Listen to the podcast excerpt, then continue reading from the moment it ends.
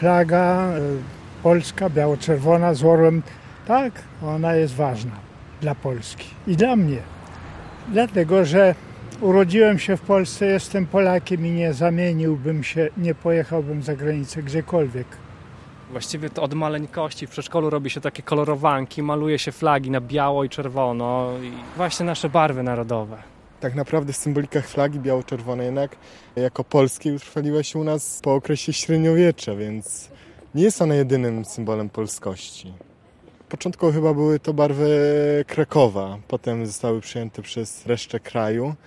Nie jestem pewien, czy tym barwom ciągle możemy przypisywać takie tradycyjne znaczenie, czyli tak jak uczą jeszcze dzieci w przedszkolu, że biel to czystość, a czerwień to krew, no ale to na pewno jakoś wyodrębnia nas. Także w Europie jest to symbol, do którego Polacy mogą się odwołać. Czuję się dumny z tego, że ludzie wywieszają takie flagi. Tak. A pan wywiesza? Nie posiadam tutaj flagi. Tutaj tylko studiuję. A w domu owszem. No u mnie jest w bloku już wywieszona flaga, no to chyba ja nie musiałabym wtedy. Czyli wywieszają ludzie. Tak? Nie, no to nie ludzie, tylko administracja. Administracja wywiesza. A mieszkańcy na balkonach nie. Nie, nie, nie. No nie ma tego zwyczaju, nie. Nie, ja no nie mam balkonu, bo na parterze mieszkam, to Ludzie może nie mają odwagi, a nie. Stojaczek to jest sprawa drugorzędna, tylko może nie chcą manifestować swojej przynależności do narodu. Albo wstydzą się w jakiś sposób. Raczej myśli się o tym, że to należy do jakichś urzędników. Tak. Obowiązek wywieszania tak, flagi. Tak, tak właśnie. Mhm. No i widziałam dzisiaj, że się wspinają po drabinach i wywieszają flagi. Nie, nie wywiesza i ja nie wywieszam, bo uznaliby mnie za dziwaka. Nikt nie wywiesza i mieszkam przecież tu w centrum, e, obok zamku lubelskiego, także żebym chociaż widział, że ktokolwiek wywiesza. Nikt nie wywiesza. I ja mam w sercu flagę i to jest to ważne.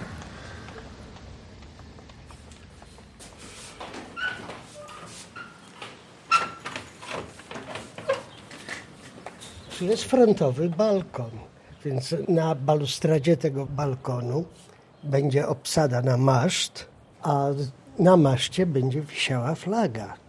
W całym Lublinie, po wszystkich sklepach szukam tego ustrojstwa, żeby obsadzić flagę. Jak to wygląda? To jest kawałek blachy, do którego jest przymocowana krótka rura, w którą wstawia się maszt. A na maszcie jest flaga. I tego w żadnym sklepie ani nigdzie nie mogłem dostać. Flaga nie będzie wisiała. Chyba, że znajdę jeszcze 2 maja, przed trzecim. Całe dorosłe właściwie życie przeżyłem w Australii. Przyjechałem tam jako 25-letni mężczyzna, a wyjechałem 65-letni emeryt. I jeżeli mam mówić o podejściu Australijczyków do dumy narodowej i do flagi, i do żołnierzy, to jest imponujące. W Polsce jedynym miejscem, gdzie widać flagi narodowe, to są cmentarze wojskowe. Na Powązki, jak się przyjdzie, czy na Dzień Zaduszny, czy na 3 maja, to praktycznie wszystkie groby są udekorowane flagami malutkimi. Tak samo przy grobie Józefa Piłsudskiego na Litwie zawsze są kwiaty i jakieś małe chorągiewki polskie. Choć to jest Litwa i oni nie lubią specjalnie akcentów polskich. A w naszych osiedlach, jeżeli na osiedlu takim jak to zobaczę trzy czy cztery flagi, to będzie wszystko. Może przy kościele będzie. Dlaczego? Tego ja nie wiem, ale, ale mi wstyd. Myślę, że to jest brak dumy narodowej. Niestety.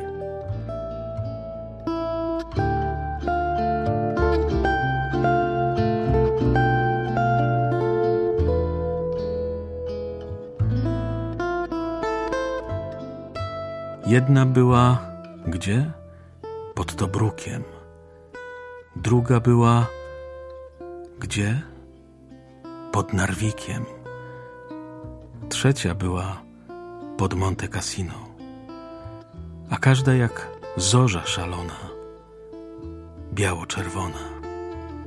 Biało-czerwona, czerwona jak puchar wina, biała jak śnieżna lawina. Biało-czerwona.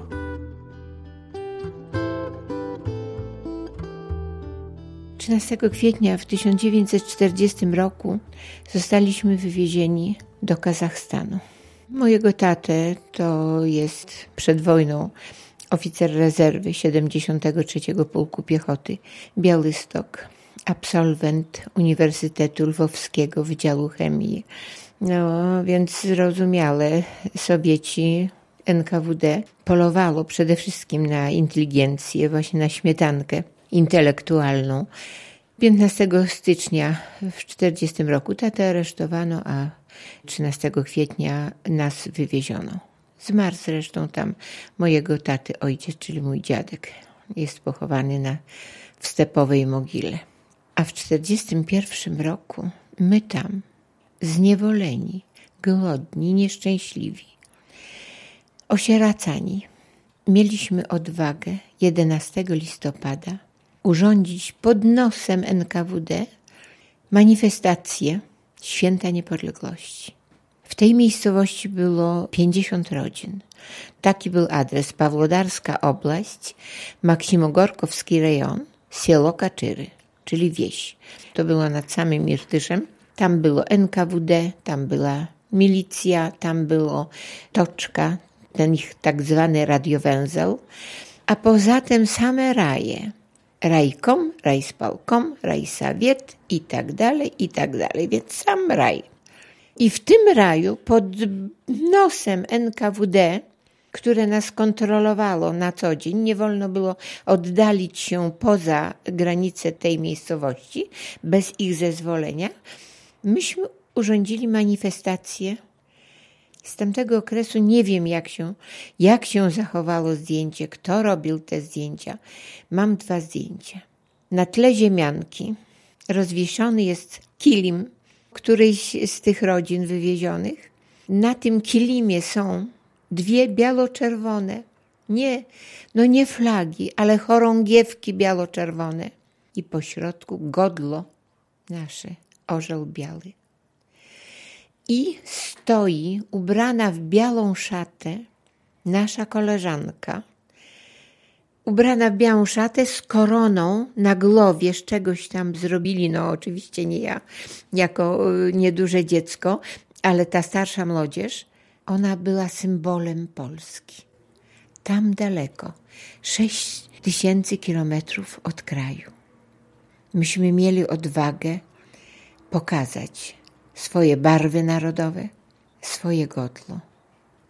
Dwie osoby, to znaczy pani Edmunda Zaluska, która też siedzi w pierwszym rzędzie na tym zdjęciu z emblematem orzełka przy berecie.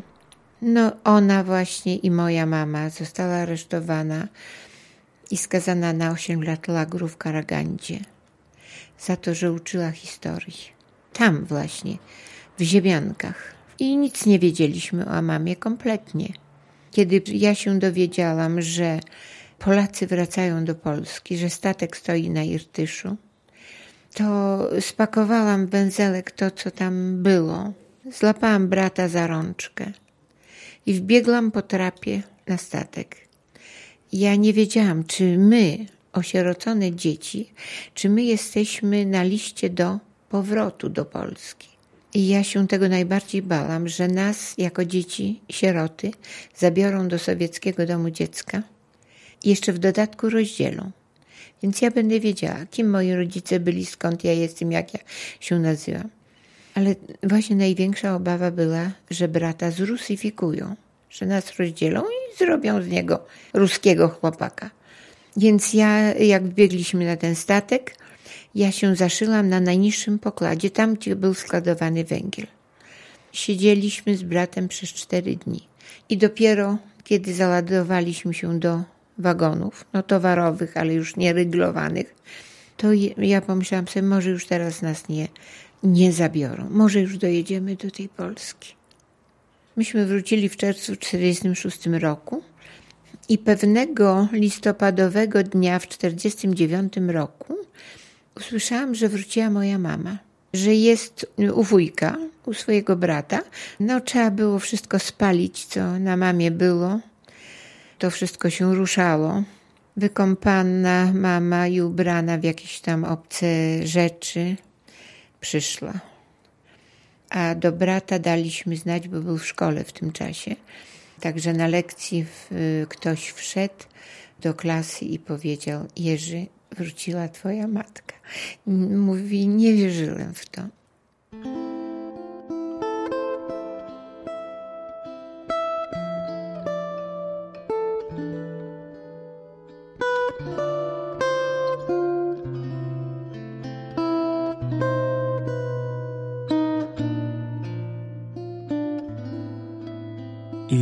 Flagi: Nie płaczcie, choćby jeden strzępek na maszcie, nikt się zmienić barw nie ośmieli.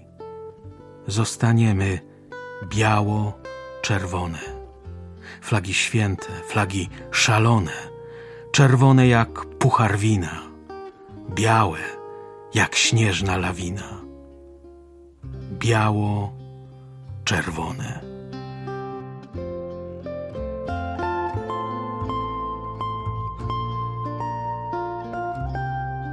Ale myślę, że wszyscy kochali, że żołnierze, którzy przysięgi składali na tą flagę, idący do boju, że, że my Polacy mamy to wpajane od najwcześniejszych lat, a my, dzieci Sybiru, musieliśmy szybko pojmować wszystko. Wszystko w najlepszym wydaniu, to co przekazywali nam rodzice odnośnie miłości do ojczyzny, odnośnie miłości do symboli narodowych, odnośnie miłości do Boga.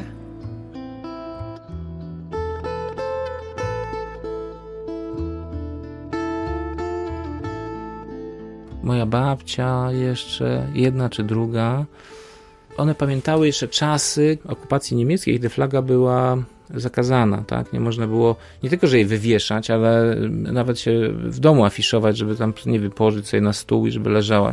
Jakby wpadli Niemcy, a nie daj Boże Sesmani, to, to by się mogło źle skończyć. Natomiast y, chyba inaczej wyglądała sprawa flagi potem, jak weszli Sowieci do Polski. Bo niby można było tą flagę powiesić, ale nigdy tak, że w dowolnym momencie. Zwykle trzeba było z czerwoną ją mieszać, bo nawet na domu, jak się ją powiesiło, to ona oznaczała no tak naj, najdelikatniej mówiąc, niepokornego. Tak? Jak sobie ktoś powiesił nie wtedy, kiedy władza zarządziła wieszanie flag, no to przyjechała milicja i zdjęła ją. Tak? Były takie sytuacje, to jeszcze ja pamiętam nawet, y, jak y, na 1 maja w latach 70. i 80. wieszało się flagi, to nakaz był taki władz, e, że wiesza się w przeddzień, flaga wisi 1 maja, 2 maja się ją zdejmuje. Zdejmuje się ją dlatego, że 3 maja było święto, którego oni nie chcieli nijak zaakceptować, trzeciemajowe. W związku z tym po zakładach jeździła milicja, ORMO, znaczy ochotnicy tacy milicyjni, którzy pilnowali, żeby zdjąć te wszystkie flagi. Obojętnie, czy biało-czerwone, czy czerwone. Pamiętam z liceum też taką sytuację. 1 maja to było święto robotnicze, szkoła, cała szkoła obowiązkowo miała iść.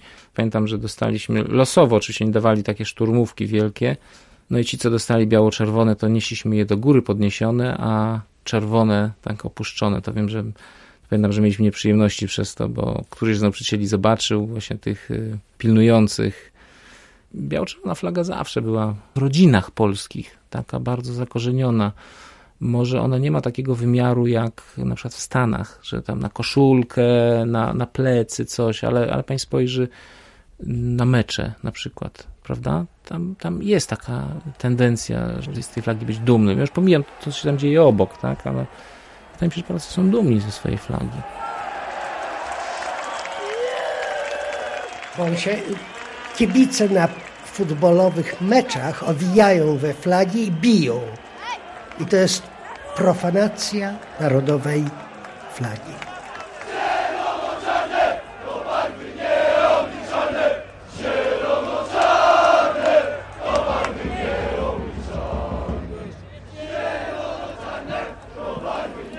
Polscy kibice dość licznie przychodzą na te mecze. No i oczywiście pomalowane twarze i nie tylko. Gdy patrzy się na trybunę, widać e, biało-czerwone barwy. No to właśnie za sprawą tych szalików, flag o różnych rozmiarach. Niektórzy kibice przecież robią potężne flagi, robią składkę jakąś pieniężną i, i kupują tą flagę. Robi to ogromne wrażenie. Dla mnie jest to bardzo jednak płytki patriotyzm, który można porównać do takiego wręcz zwierzęcego. Jeśli już tak naprawdę nie rozumieją ani kontekstu, po prostu chcą sobie powymachiwać, e, coś zamanifestować, a jeśli robią to w ten sposób, no to cóż, to jest ich wybór. Są kibice i są kibole, tak? Pewna część kibiców, którzy są mądrymi ludźmi, to, to myślę, że oni nawet nie muszą szafować tą flagą, E, ale przed, jeśli już, to rozumieją dobrze kontekst, rozumieją dobrze, co ta flaga dla nas znaczy, dla Polaków. A dla kiboli właśnie to jest taki znak rozpoznawczy, tak? No i jest nadużywana przez nich czasami, według mnie, bo coś trzeba zawiesić na płocie. Ale ich jednoczy i skłonni są z innymi reprezentacjami bijać się pod tymi no, barwami. Za te barwy to według mnie wbijał się Dąbrowski, Rydz Śmigły, ale co innego jest y, walka o, o barwy w jakimś celu słusznym dla całego państwa i co innego wandalizm, co innego hamstwo, no, po prostu.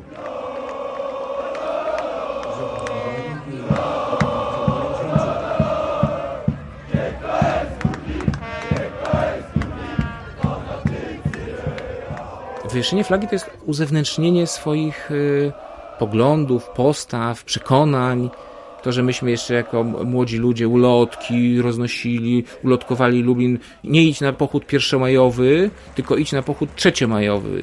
Szykuj flagę, bierz białą, czerwoną, nie bierz czerwonej.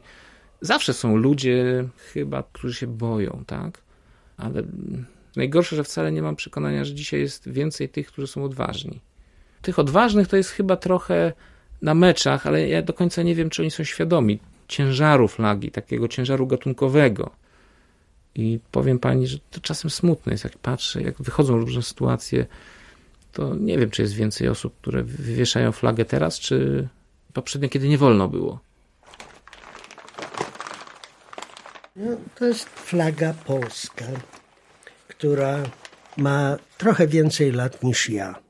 To znaczy około 80. Blisko metr szerokości i dwa metry długości. No, to są zaczepienia do tego, żeby zawiesić ją na maszcie. We wczesnych latach 30. wyjechała z Polski i wisiała przed konsulatem polskim w Turcji przez kilka lat. Następnie przez chyba 5 czy 6 lat przed konsulatem polskim w Harbinie w Chinach. Następnie została zdjęta i zabrana przez konsula generalnego z Harbina do Anglii i przy następnej placówce, na którą konsul pojechał, to były Indie, wisiała do chwili, jak tylko polski rząd był uznawany przez aliantów. W 1945 roku, jak alianci odmówili akredytacji polskiemu rządowi na emigracji, konsulat w Indiach został zlikwidowany, a flaga znalazła się w Australii. Konsulem, który woził ją z miejsca na miejsce, był mąż mojej ciotki, Jerzy Litewski. I chyba dobrze wypełniał swoją służbę konsularną, bo to były żołnierz, były oficer pierwszego pułku ułanów. Wuj znał mój życiorys, poza tym nie miał nikogo, bliższego poza mną. Więc flaga trafiła w moje ręce. No, wuj zmarł na kilka lat przed e, moim wyjazdem z Australii. Jeszcze jego trumna w kościele była przykryta tą flagą. No i mam nadzieję, że przysłuży mnie się, jak mój czas dojdzie.